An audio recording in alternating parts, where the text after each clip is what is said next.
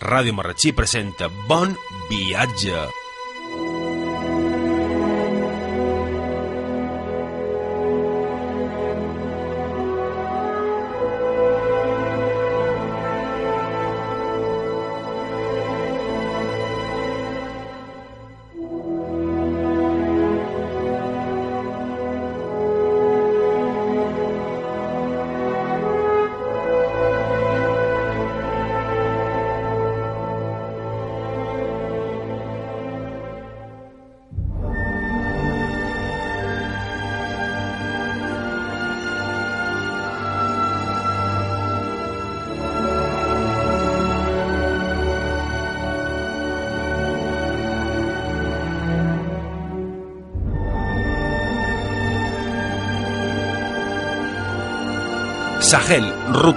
97 patrocina Bon Viatge, el programa dedicat al món dels viatges presentat per Àngel Banyó Jaume i Jaume Cervera. Benvinguts siau viatgers i viatgeres. Fa dues setmanes parlàrem d'Egipte i del desert on anirem a zona tropical. Avui el nostre objectiu és Guinea Equatorial. Ja hem parlat d'aquest país més d'una vegada, però resulta que hem estat allà 20 dies i volem transmetre a la nostra audiència, als nostres oients, eh, totes les sensacions viscudes durant aquests 20 dies en aquest país tan petitó, tan petitó i amb una arrel espanyola molt forta. En Jaume ens farà una petita introducció al programa i després, com he estat jo el que he viatjat a Guinea, doncs ell farà d'entrevistador i jo d'entrevistat en aquest cas. No hem duit cap convidat, els convidats som nosaltres mateixos. Per tant, endavant, Jaume. Hola, eh, bones tardes a tothom. En primer lloc, pues mira, a transmetre en Àngel l'enveja que m'ha fet durant aquest mes eh, mentre ell ha estat disfrutant d'aquest clima equatorial que té Guinea i nosaltres hem estat aquí eh, immersos dins aquests canvis eh, radicals del temps que mos comporta la tardor a les nostres illes. Que consti en acte i quedarà gravat que jo t'he enyorat. Eh? T'he enyorat. Estava sí. jo davant tota la marabunda i a vegades se feia cap, difícil. Sense cap tot que, que ho has fet. I, i bé, anem a, a tornar eh, a recordar una mica eh, què és la República de Guinea Equatorial. Jo crec que sense ànim d'ofendre a cap ràdio oient, però sí, possiblement, aclarint eh, aspectes geogràfics de moltíssims de, dels qui avui ens poden escoltar és que el terme, eh, topònim Guinea eh, genera a vegades eh, confusió. I genera confusió perquè eh, de Guinees a dins del continent africà en trobam tres. Eh, una primera és Guinea-Bissau, en contacte i frontera just al sud de Senegal i encara a una miqueta més al sud d'aquesta Guinea-Bissau trobem eh, Guinea-Conakry. De fet, la, la Bissau en realitat només és Guinea, és l'única que... És l'única que... Com a nom oficial només és Guinea. El que passa és que per distingir-les pues, sempre s'afegeix el nom de la capital o algo per uh, distingir-les. Per distingir-les una en l'altra, no? Però sí que és cert que entre la gent que no coneix Àfrica, pres eh, a vegades eh, se xerra indistintament de Guinea eh, i eh, es pot estar parlant de territoris relativament llunyans i si contemplam la magnitud del continent africà. No? En canvi, aquí nosaltres avui ens ocupa i, i intentarem eh, parlar-ne d'ella, la Guinea Equatorial. Aquesta eh, situada a la part centro-occidental del continent africà eh, està mm, al nord eh, limitada per Camerún o dirien la seva meitat nord fa frontera en Camerún i la seva meitat sud ho fa en Gabon. A la part occidental llinda en l'oceà Atlàntic. És curiós una cosa, en, en, situació, en qüestions geogràfiques. Hi ha una illa que se nom Annobon, que està al sud de Sao Tomé.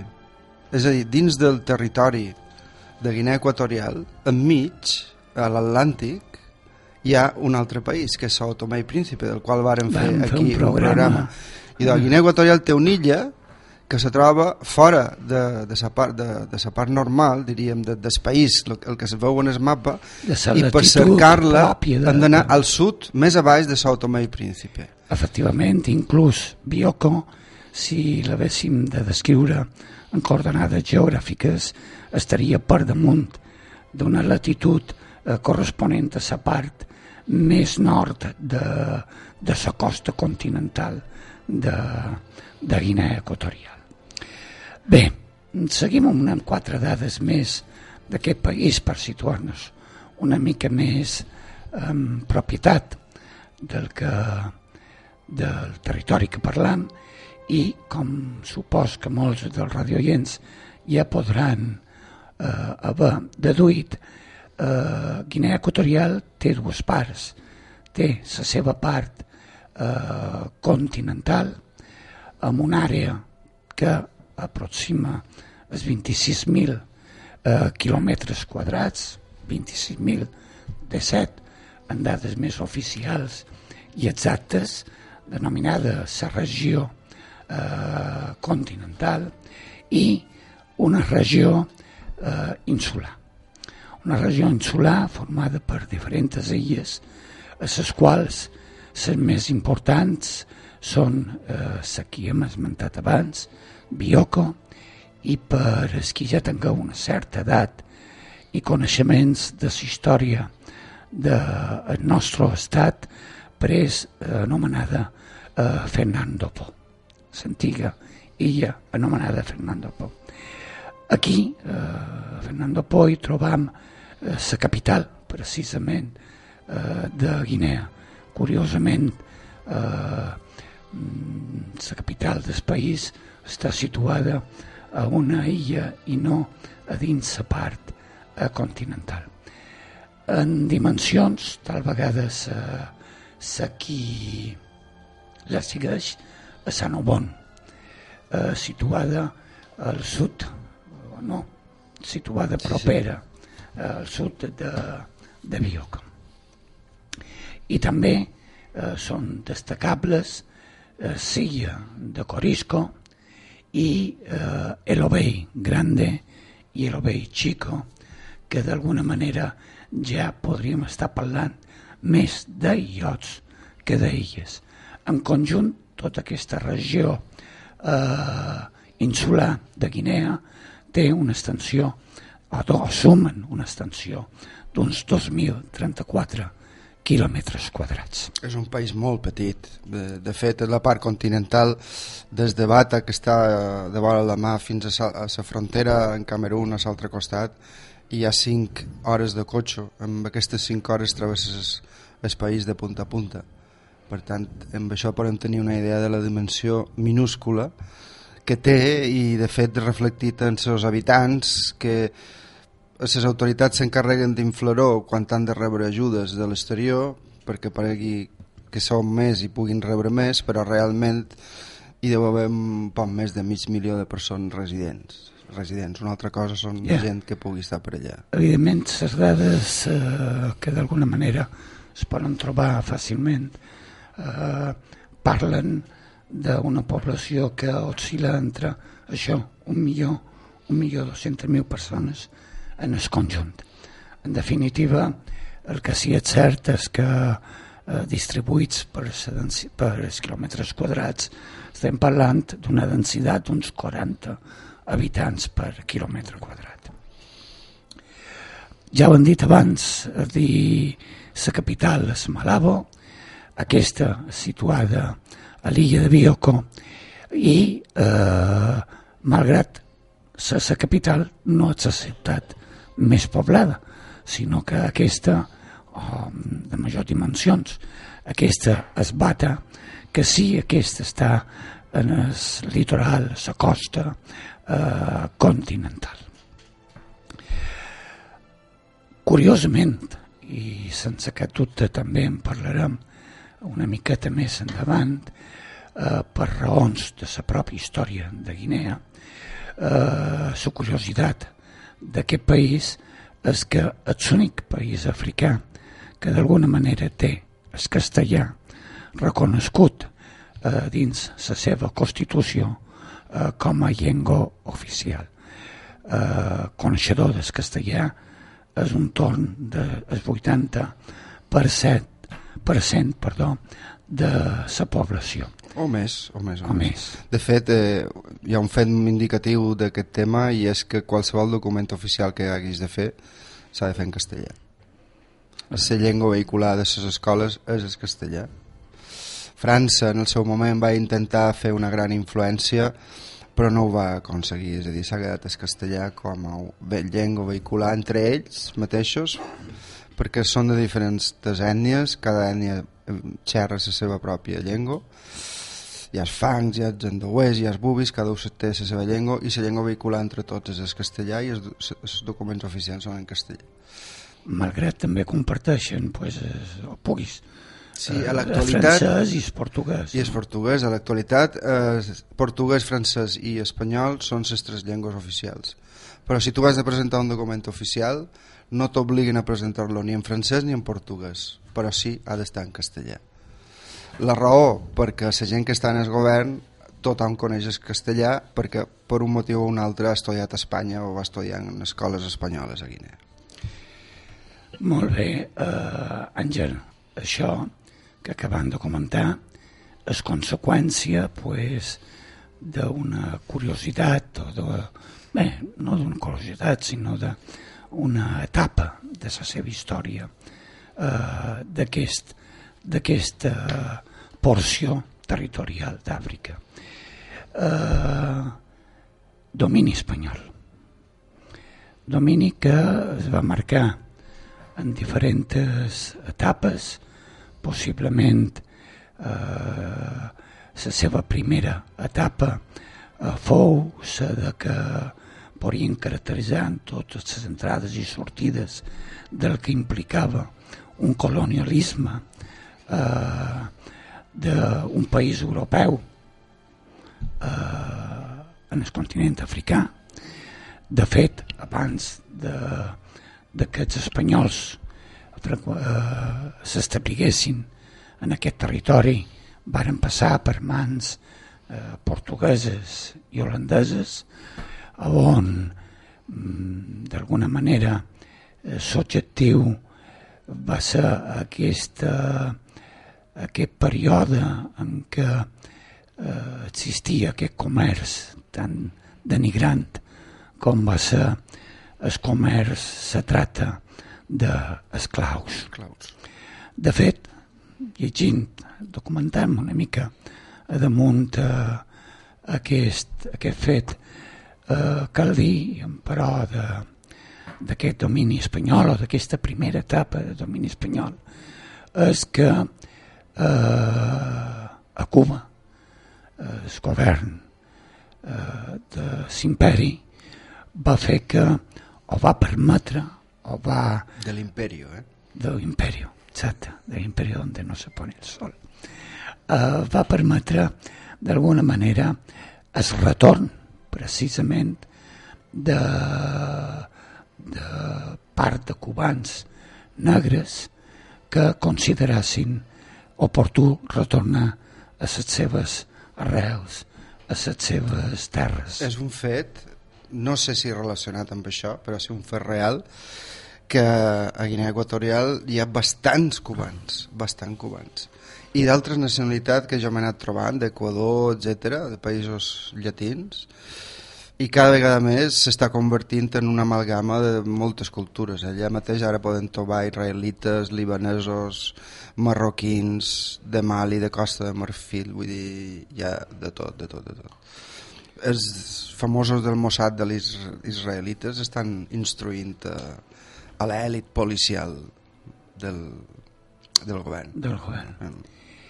Bueno, eh, seguim una miqueta amb aquesta línia perquè eh, cal recordar que una segona etapa sí que va ser una etapa més, diríem, no tan ètica i més colonialista de l'estat espanyol de Montguinea.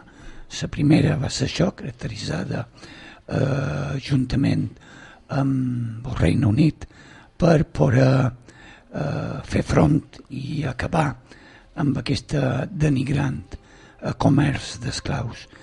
La segona, una etapa més colonialista, i eh, per acabar amb el que va ser una comunitat autònoma de Guinea Equatorial. Província i comunitat autònoma. Província, en primera instància, i eh, això... Eh, Tot això en temps de dictadura aquí. Exacte. Parlant-nos una mica d'aquesta etapa, perquè mm, tenc entès que mentre a l'estat espanyol no hi havia possibilitat de legalitzar formacions polítiques, Guinea sí que d'alguna manera va, era viable aquest fet. Jo crec que és una anècdota que val Bé, és curiós, la pena en temps conèixer. de, no? quan era província i comunitat autònoma, allà ja preparant la descolonitz- descolonització, perquè l'ONU empenyia, empenyia a tots els països, se'n varen crear dos partits, un que estava recolzat per al govern espanyol i per no quedar malament se'n va crear un altre, diríem, estrictament eh, propi del país, sense cap impuls ni recolzament de les institucions que en aquell moment eren espanyoles. De fet, eh, per qui hauria de governar una vegada que Guinea estigués descolonitzada, se varen fer unes eleccions, a veure quin dels dos partits guanyaria. Malgrat el partit institucional i el fort i el, el econòmicament potent ho tenia tot a favor, la gent va votar l'altre. I encara que aquí hi hagués dictadura i hi hagués tot el que passàs en aquell moment, allà se varen respectar les eleccions i va guanyar el, el partit polític encapçalat per Macias. I se li va respectar i li van donar a ell la independència del país. Però aquí era, tot això estava prohibit, lo de província, sí que n'hi havia de províncies, era una més i per tant tenia la seva dotació i el seu delegat del govern i ho tenia tot. tot, tot. I en època dictatorial a l'estat espanyol aquesta comunitat autònoma, tal com se venia anomenant, inclús tenia poder legislatiu i, i, i poder regular en molts dels aspectes socials que, que esdevenien en No, I de país. fet a nivell econòmic també funcionava, tot el cacau, el cafè, sobretot aquestes dues matèries primeres se duien d'allà i estaven subvencionades pel govern espanyol i només se podien comprar en primer lloc aquestes dues. I això el que duia tot el tingladillo és en Carrero Blanco, si vos en recordeu del nom, era un poc el, el dueño del vergel, era considerat allò com el vergel, el jardí i, i l'amo, de- entre cometes, l'amo entre cometes d'aquell territori, el, el senyor Carrero Blanco, i ell feia i desfeia, i en aquell moment Guinea era pròspera. Diuen que els millors hospitals, un dels millors hospitals d'Àfrica en aquell moment, estem xerrant dels anys 60, estava a la ciutat de Bata. Aquest hospital en concret jo l'he vist fa un parell de dies i de moment no arriba a l'altura que estava. No, no és ni molt manco en aquest moment, és el millor hospital d'Àfrica. És un hospital deteriorat, castigat per els temps i ara l'han- li han rentat un poc sa cara. I, i amb això estan ren- rentant un poc sa cara les coses. No? I el senyor Macias va guanyar li va donar la independència al senyor Fraga que també el coneixem tots ja és en el cel, bueno, o allà on sigui, però aquests dos personatges són els que van dur endavant tot el tema de, de la independència. Just curiós, però m'imagino que molts de, dels radioients que d'alguna manera ja hagin tombat la cinquantena d'anys recordaran aquells mapes eh, de l'estat espanyol eh, a les escoles on, a part de la península, la casella de les Balears, eh, la casella de les Canàries, hi havia la casella on apareixia Guinea Equatorial i Fernando Po. No? És a dir, que record perfectament aquella època en què, evidentment, eren considerats ciutadans espanyols de primer ordre, inclús amb uns avantatges que avui encara se qüestionen per aquí. Uh, bé, 1968... Independència. Uh, independència. Què passa? Què passa? Pues que mm, el senyor Macias els hi va sortir un pot tort, per fer un resum ràpid, va agafar el poder, mm, li va sortir tota la ràbia sobre l'època colonial i els colonialistes, que en aquell cas eren els espanyols, i la majoria de la gent eh, originària d'Espanya va haver de sortir per pates, com ha passat a altres llocs. Ja ens va passar el mateix al Sàhara, en la famosa Marxa Verde, també la fugida de Cuba crec que va ser important i hem anat sortint dels llocs un poc a correcuita. I aquest senyor pues, eh, pareixia que se li va trabucar el cap i va començar a destrossar tots els elements colonials, tot el que hi havia fet i desfet i va dur el país eh, a la ruïna i això avui tots els guineans ho diuen no? fins que un senyor més o manco com aquí va donar un cop d'estat en un moment determinat i se va, fer, se va fer en el poder aquest senyor, el senyor Obianenguem Basogo actual president de la república i després en, en en Macías li varen fer un judici sumaríssim i el varen condenar a mort i varen complir la pena que li varen posar i a partir d'aquest moment el senyor Obian pues, és, és l'amo del corral. S'ha perpetuat el govern? No només s'ha perpetuat, sinó que vol que se perpetuï de forma dinàstica o de llinatge, per dir-ho d'alguna manera, i s'està preparant es fi per, per assumir el poder en quant es pare no hi pugui, no? que són, crec que és un dels errors que, que han comesos alguns països africans, com per exemple Senegal, varen veure com l'any passat el president eh, que va sortir volia passar el poder en el fill i el poble se va mig rebel·lar mitjançant unes eleccions democràtiques però se va rebel·lar i no ho varen aconseguir. Fins i tot a Senegal volien canviar la Constitució. Aquí hi ha Constitució a Guinea però no hi ha un bollet allí se funciona a cop de decrets de, de papers signats per el president o els fills o els ministeris però bueno, els ministeris és secundaris i si no està refrendat per algú de dalt els papers no, no, no són vàlids no? i bueno, aquest senyor du des de ara mateix no me'n recordo exactament els anys però ja en du, però ha viscut una època dolenta on vivien com podien després van trobar petroli i ara és una de les rendes més altes del món per càpita, això no vol dir que tothom visqui bé no? Però la renda és, si fem una divisió matemàtica surt una renda altíssima perquè tenen molt de petroli. Uh, sense cap dubte i, i volia tancar vol, aquesta primera part del programa uh, per donar pas després una mica de ritme musical amb aquesta qüestió uh, sense uh, cap dubte si un sabés de re referenciar o orientar a partir d'aquesta eh, data, eh, d'aquesta dada, perdó, tan important que és com per qualificar eh, el país que és renta per càpita, com tu has esmentat, sense cap dubte on s'imaginaria una Guinea equatorial en aquests moments amb un nivell de vida eh, molt superior, per exemple, en el que té l'estat espanyol, i no tan sols molt superior, sinó amb unes eh, fonts de recursos naturals molt importants que pot perpetuar amb el temps aquesta tendència econòmica. Però la realitat no és així.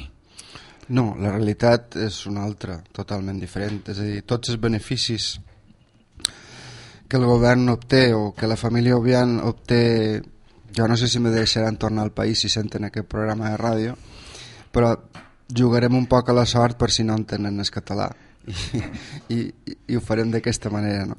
però molts molts dels dobbers que estan guanyant la família Obian estan repartits pel món eh, aquesta repartició en què consisteix? Pues en béns, en comptes mm, en països d'aquests que saben tots on se poden amagar els dobbers i a França, a Espanya a Estats Units, a Miami vull dir, hi ha moltíssims de béns i, i després hi ha una part va arribar un moment que el senyor Viana havia de fer alguna cosa és a dir, tant de dobbers al final s'obren no saps on els has de posar.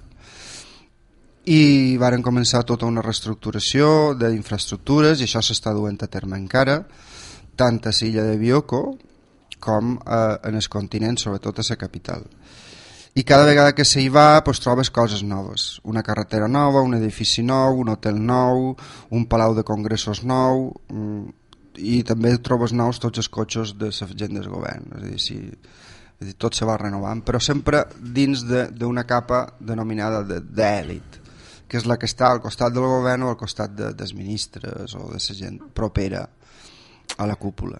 Aquests eh, gravis socials eh, com ho respira la població?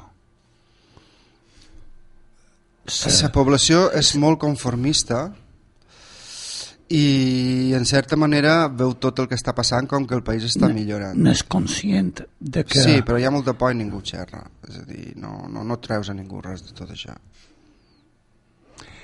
Bueno, eh, passarem ara a escoltar un primer tema musical i després enfocarem una mica aquest programa d'avui amb el que a nosaltres ens interessa a part d'aquest coneixement de, cultural i eh, de la situació real de Guinea que és viatjar a Guinea. Després quins són aquests atractius que Guinea pot oferir en el viatjant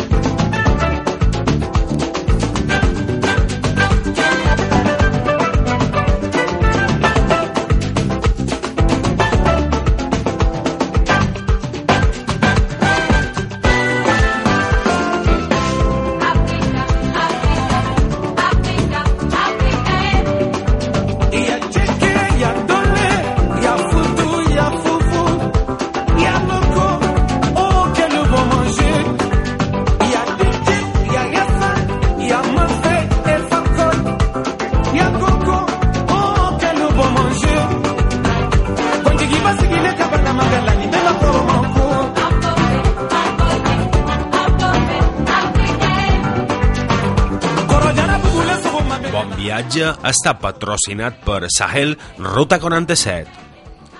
Tornem a aquí. Recordar una cosa molt important tots els oients. Si qualcú vol viatjar a Guinea Equatorial o un altre país africà, ha, de ser africà. El cable, que li passen el cable, el tècnic de so m'està renyant, se sent bé, continuam. Si qualcú vol viatjar a Guinea Equatorial o un altre país, recordeu que nosaltres oferim aquesta possibilitat des de Ruta 47.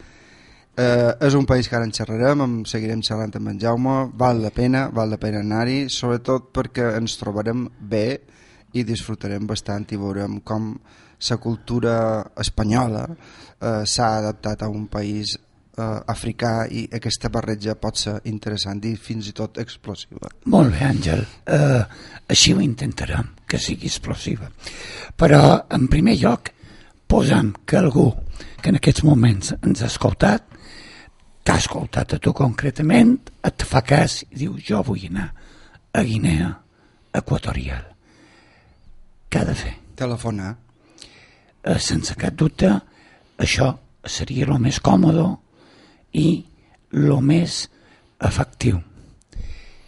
I és el que recomanem. Però, indistintament de que viatgi nosaltres o viatgi per el seu compte, eh, quins són els requisits per que una persona des de l'estranger pugui visitar Guinea Equatorial. Els requisits formals són un visat i estar vacunat de febre groga, malgrat se vengui d'un país que no, però a l'entrada te la poden demanar i si no la tens te poden tornar en el mateix avió, però el tema fonamental és el visat. Per el, el problema ve quan vols aconseguir aquest visat. Els requisits per aconseguir el visat són una foto, 100 euros, una assegurança de viatge i una carta de cridada de qualcú del país de Guinea Equatorial. I amb aquests papers, perdó, me queda una cosa, el certificat de penals. Amb aquests papers t'has de presentar, has d'anar a Madrid, a l'ambaixada, de forma presencial, i has de sol·licitar el visat has d'esperar uns dies i si tot va bé, en teoria te l'han de signar sense cap problema i llavors amb aquest visat ja compres el teu bitllet d'avió i te pots presentar al país sense cap problema ni un. Hi ha que anar a Madrid a treure el visat. Si no ets molt amic de l'ambaixador, sí. Aquí, a Ruta 47, és que ho facin a través de Ruta 47 no és necessari que, fa, que vagin a Madrid perquè Ruta 47 pot anirà a Madrid per pot ells. gestionar aquest, aquest document. Molt bé. Uh, ja tenim el visat uh, tenim la vacuna de la febre, de la febre groga. Hi ha qualque altra vacuna uh, precaució prèvia jo recomanaria el tifus allà els guineans sobretot tenen molt de problemes en, en la qüestió dels tifus, no tant els, els europeus, els blancs, però sí que ho recomanaria.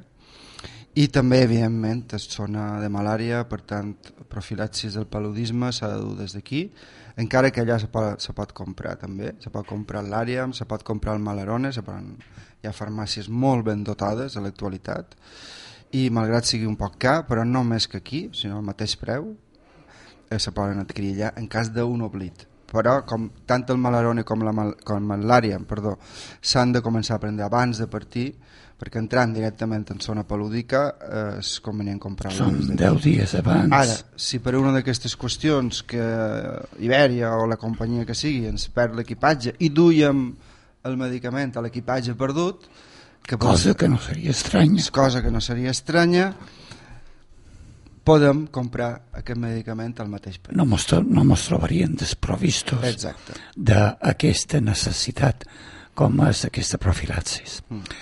Uh, molt bé, Àngel. Han passat, han agafat l'avió, tenint la documentació a l'abast, i lògicament no ho han dit, però el passaport també eh, document eh, imprescindible i en vigor, i mos presentam, aterram, eh, a Malabo. A Malabo. Sempre hi ha un primer problema molt pràctic i és que ara quan hem anat en el grup d'americans eh, aquí feia fred i allà arribes a 30 graus amb una humitat del 99% i només que s'obri la porta de l'avió ja entra un... Esbaf. esbaf eh? Per tant, hem de dur, que en aquest bolso que duim d'equipatge de mà, hem de dur ja roba molt lleugera, uh, per, per, per, per màniga curta i molt còmodo, i cotó, sobretot, cotó, i calçons lleugers i i hem de fer un canvi. Si anem en estiu, si anem no tenim cap problema perquè la mateixa roba que duim aquí la podem dur allà, però si anem en hivern, allà sí que fa calor. Hem d'anar a preparar per aquest petit imprevist, si no començarem a suar, a suar i a suar i ens posarem nerviosos i en una frontera d'aquestes característiques no t'hi pots posar nerviós. Per el que comentes m'ha fet sospitar que eh, passar els tràmits policials de duana, de control, eh, no són senzills. Bueno, són els típics d'un país africà. El que passa és que aquí estan reforçats, els han reforçats de fa 3 o 4 anys, hi ha control de, de, de l'empremta digital, te, la, te fan marcar les dues, fins i tot te fan foto com si entrares a Amèrica, els han agafat un poc la imatge... La tecnologia la tecnologia sí, però només ha arribat a la terminal. Més enllà de la terminal els cables ja no surten, no? i però la parafernàlia quan arribes és important no? es, es, si qualcú ha anat darrerament a Amèrica doncs un poc el mateix eh? es dit dret, es dit esquerre la foto tot de quadrat miren fil per randa si el visat és correcte de fet quan tornava l'altre dia eh, una lota basca acabava d'arribar i només va estar a Guinea 10 minuts tenia un petit defecte en el visat d'escriptura i no la van deixar entrar, va tornar en el mateix avió d'Ibèria. Per un petit Per un petit detall en el visat, sí, sí. De... És a dir, a vegades el que passa és que les persones que fan els visats doncs el fan aviat i no se'n donen compte de que poden cometre un error, però aquest petit error, eh, quan arribes allà, és suficient motiu frustrar, per frustrar el viatge. El viatge. I aquesta olata tornava en el mateix avió que, que va anar. Bueno, pues aquí el primer consell de cara a revisar el visat una vegada que el tinguem uh, fil per randa. Per dir, no tan sols tenir la documentació sinó eh, assessorar-nos i assegurar-nos de que sigui correcte, que sigui correcte sobretot el, el que posi una entrada i una sortida.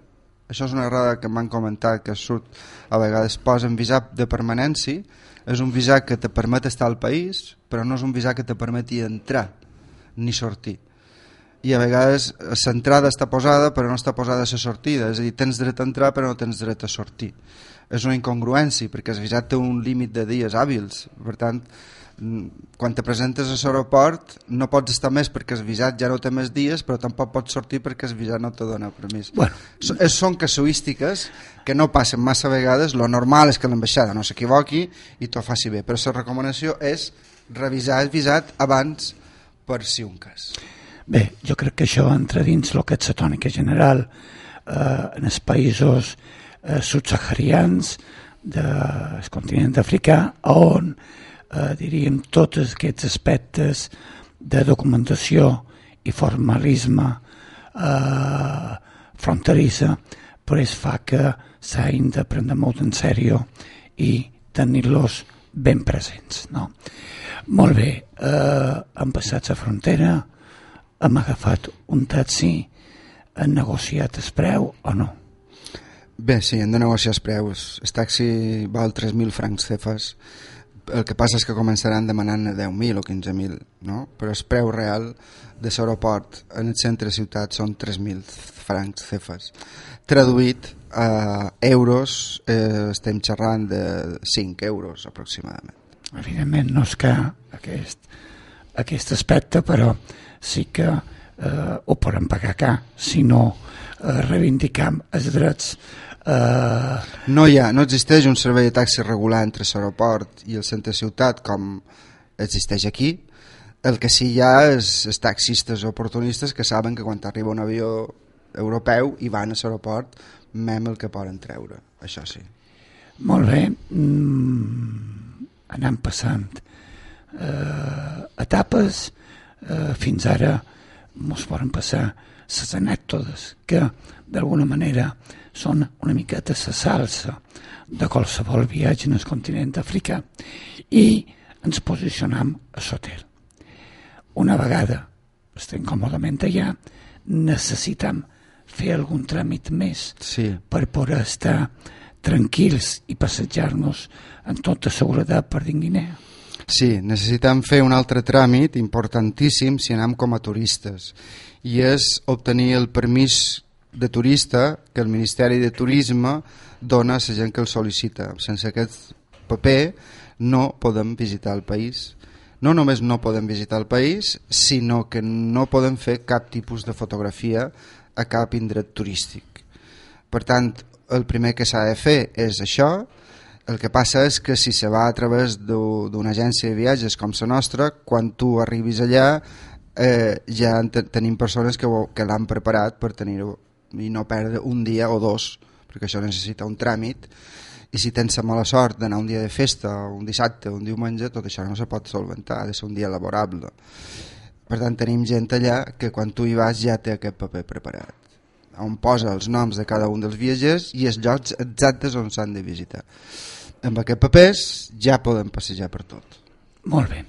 I d'oi estem a Malabo uh -huh. i, eh, com hem parlat a la primera part, un s'imagina que s'emprenta eh, colonial, s'emprenta, eh, diríem, de la relació, no tan sols en l'estat espanyol, sinó en la resta de països que tingueren relacions, ha d'haver quedada marcada, ha, ha, ha de ser evident i, i, i patent.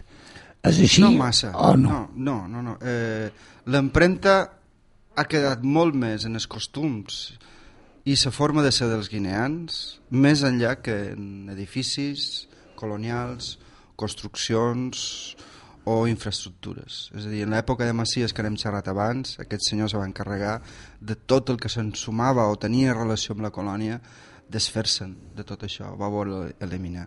Tot això s'ha hagut de reconstruir de nou, però els edificis que ja són moderns Evidentment queden coses, queda la seu, queda la seu de Malabo, eh, està de plena actualitat, està bé, és digna de veure, i queden dues o tres cases, la famosa Casa Verda, de fusta, que hi ha just darrere la catedral, que és una casa d'estil de, colonial, i que s'ha mantingut, no només l'han mantinguda, sinó que ara l'han rehabilitada, i l'estan acabant, encara no l'han acabat del tot. Malgrat aquests dos detalls, sí que queden cases velles colonials, però estan molt deteriorades, excessivament deteriorades. I, però, com t'he dit, repeteix, que l'empremta colonial està en les persones, va quedar a les persones. Això és un dels motius pel qual eh, França ha intentat durant anys imposar la cultura francesa, de fet hi ha un centre cultural francès a Guinea, l'idioma, l'hem xerrat, ho hem dit abans, també és oficial francès, però no ha aconseguit eh, eh, arribar enlloc. Enganxar. De fet, la cervesa nacional de Guinea Equatorial és Sant Miguel, és a dir, allà se pot veure una Sant Miguel més que les cerveses típiques de, de la zona, com puguen ser Castell o, o 33, vull dir, Sant Miguel és la, la cervesa nacional del país. I hi ha altres detalls curiosos que potser més tard en poden xerrar. Però ho notes molt més en els costums i en les persones, l'empremta colonial que eh, en la resta de coses. És curiós, però evidentment no, no defensaré mai aquí cap tesi, ni aquí ni enlloc, cap tesi eh, colonialista o, o d'explotació d'un país sobre un altre. Però sí que el que és curiós és que, així com Guinea, eh, des d'aquest aspecte cultural, des d'aquest aspecte social, sí que manté, eh, diríem d'alguna manera, l'admiració cap a la eh, potència eh, que se va colonitzar. En canvi, des d'aquí, Guinea és algo que queda molt, molt lluny. residual. Bé, Guinea, aquesta admiració... Guinea no hi ha... Jo m'entesaria uh... lo d'admiració. És a dir, una vegada aconseguida la independència, com el governant que varen tenir va ser tan dolent, molt d'ells o se varen amagar a països limítrofes o van emigrar a Espanya perquè era el punt de referència, era la mateixa llengua i era molt més còmode accedir a Espanya que no anar a un altre país on tenien que aprendre una altra llengua. Això ha fet que qualsevol guinea actual que viu allà tingui un familiar aquí.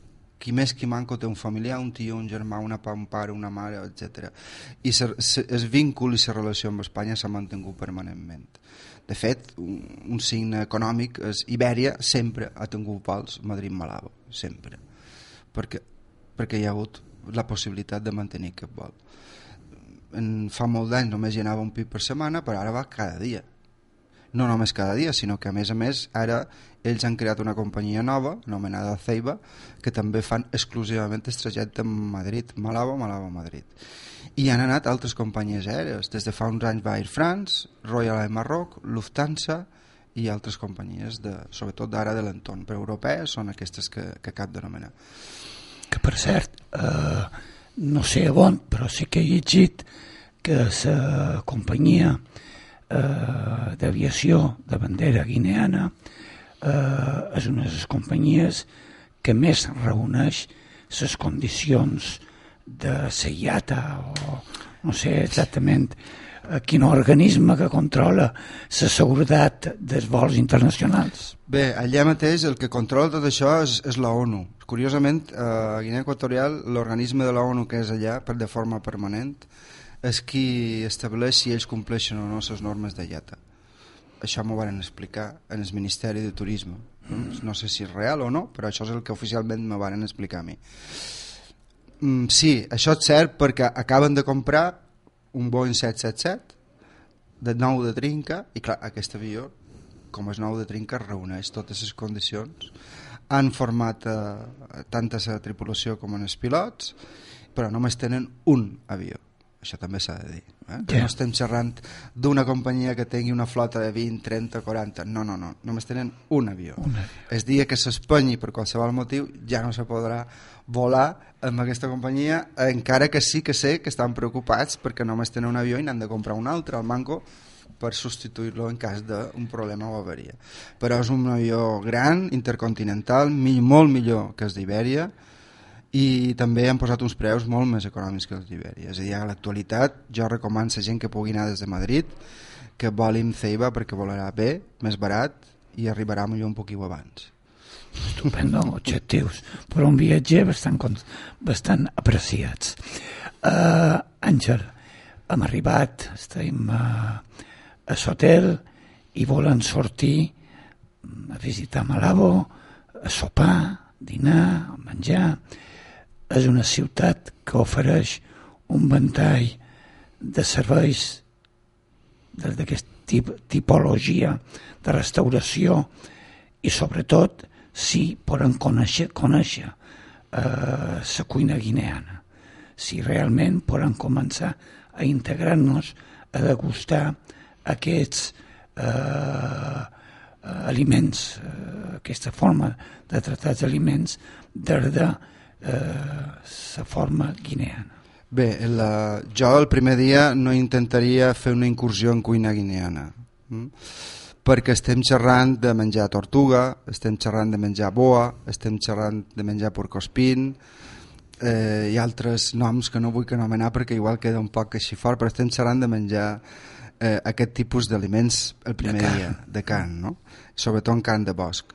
Eh, el primer dia jo faria per arribar i aterrar-nos un, cercar un restaurant d'estil nostre, més nostre, més europeu, que n'hi ha, i n'hi ha de bons, i a partir del segon dia sí que ja faria incursions en cuina guineana pròpia, i tenen plats propis, en cant de bosc pròpia, i, i que estan bons, eh? estan bons. Ho deixem un moment aquí, tornem a passar a escoltar un tema musical, i després eh, reiniciarem aquesta entretenguda conversa amb Àngel de Montguinea Equatorial. Àfrica, Àfrica, Àfrica, Àfrica niña, Àfrica nossa.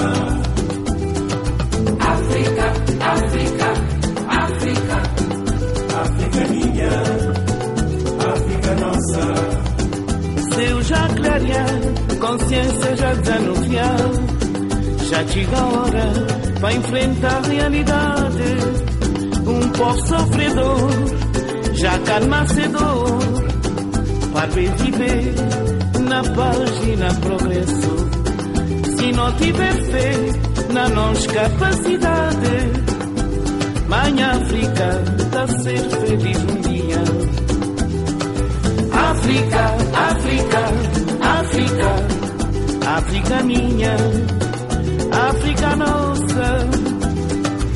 África, África, África, berço de mundo, continente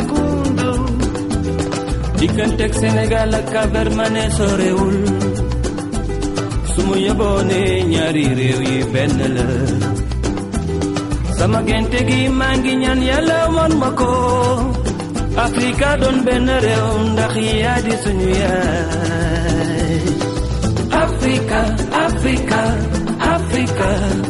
Yamanga yelo, yamanga ifanan. Africa, Africa, Africa. Yamanga yelo, te yamanga ifanan.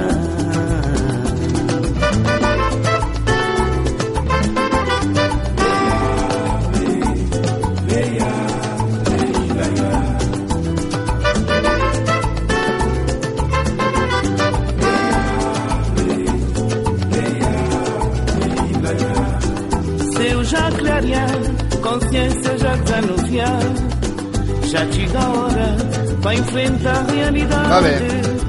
Va. Um povo sofredor, já canmacedor. Para viver. Bon viatge, només a Ràdio Marratxí. Bueno, Àngel, mm, tornant recoll una miqueta allà on ho han deixat, mm, mos queden molt poc temps, massa greu. Això mos obliga a comprometre-nos en tots els radioients de que farem, de que acabarem aquesta sabidoria teva sobre Guinea, d'explicar-la aquí un altre tot programa. un llibre per explicar i no m'has deixat d'explicar quasi res. eh, evidentment que eh, cal dir que en Àngel, a part de la seva activitat a Ruta 47, de fer tres dies que ha aterrat a l'illa procedent de Guinea, és eh, l'únic autor que té una guia sobre Guinea Equatorial. Bueno, un Àngel, autor conegut, això és igual que la paternitat. Ah, ben cert. Mm, Àngel, jo mm, crec que el que podries fer en aquests moments és agafar tu iniciativa i mirar-nos de fer-nos una proposta de recorregut a lo llarg de Silla de Bioko i comprometre-nos a això, a fer un altre programa, a tractar la resta d'illes i part continental la de part Guinea. continental. Bé, jo, si anàs a Bioko única i exclusivament, t'hi dedicaria segurament una setmana, crec que ja n'hi ha prou, i faria el següent recorregut. Arribaria a Malabo, no estaria gaire temps, ja el dedicarem després, amb tranquil·litat per visitar la ciutat i després diré el que podem visitar, que és el més interessant, i que faria bolic i me n'aniria cap a l'Uba. L'Uba està a la part occidental, actualment el govern està fent un port franc, no sé si s'acabarà o no, i des de l'Uba agafaria una lanxeta eh, motor i me n'aniria per, per el sud cap a un poblat que se nom Ureca. Tot això ho faria, si és possible, en el que és el nostre hivern. I quin és el motiu? Que a l'hivern, allà, en aquest poblat d'Ureca, les platges del sud de Bioko, hi ha tot el desovament de les tortugues i pot ser un gran espectacle per veure si ens agrada molt la natura. Se pot anar en, aquesta, en aquest poblat, se pot anar en trekking. De moment no hi ha carretera. S'està fent, els xinesos l'estan fent, però les darreres pluges que hi va haver fa unes setmanes ja se va destrossar. És a dir, abans d'estar inaugurada ja s'ha romput la carretera. Per tant, l'únic que queda possible de moment és agafar la barca des de l'Uba o anar a peu. Els que tinguin ganes de caminar poden fer un recorregut de trekking d'unes 10 hores aproximadament, d'anada i 10 hores de tornada, que això ja serien un parell de dies, o agafar la barca en temporada bona s'ha d'anar alerta que no hi hagi temporal ni res perquè quan tomba es, es, es racó diríem del sud-oest eh, si no hi ha bona mà és complicat de, de passar però no hi ha cap problema, hi ha gent a l'UBA que ho fa en, què, que hem de veure Eureka? Segurament Eureka és un dels llocs més espectaculars o el millor lloc de Guinea Equatorial per veure. Poden trobar cascades, poden trobar petits llacs, poden trobar natura frondosa innumerable i sobretot el tema de les tortugues. Això seria un recorregut. Jo després d'Eureka me n'aniria cap a Moca.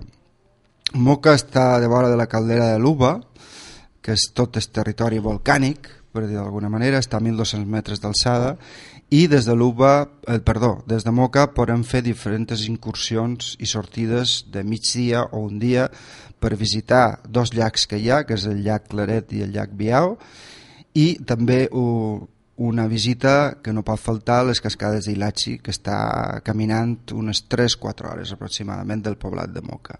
Això són tres excursions que s'han de fer des d'aquest poblat.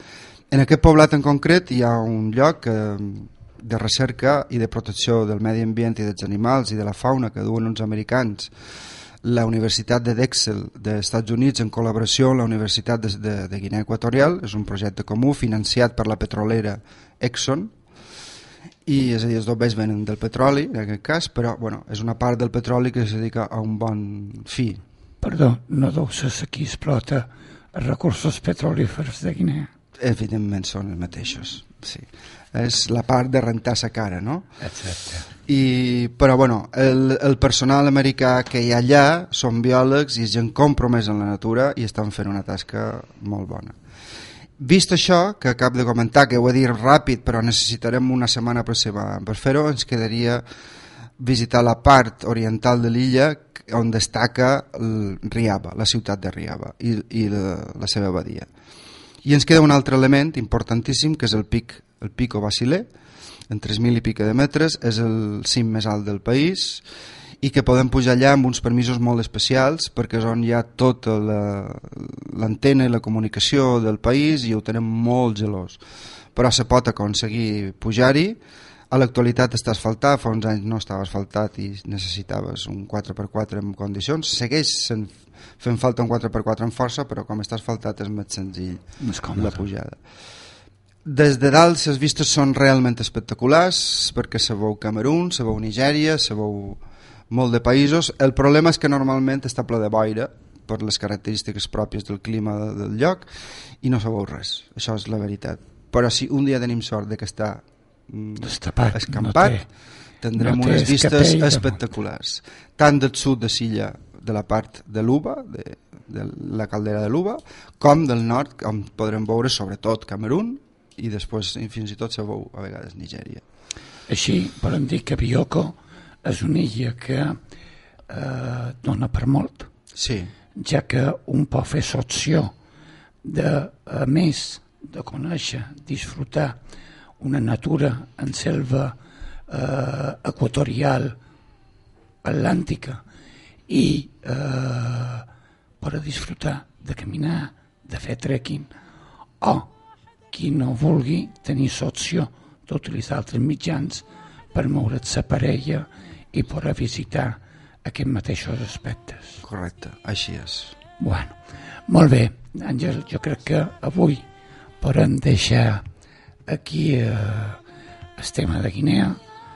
Eh, sense cap dubte mos ha quedat més eh, preparat damunt dels papers de la taula que el que hem pogut arribar a llançar per als micròfons, però eh, mos comprometem en això de que, tu saps que el meu compromís està damunt la taula. De que un altre, un altre dijous a les 5 de Sora Baixa continuarem amb aquest país de Guinea.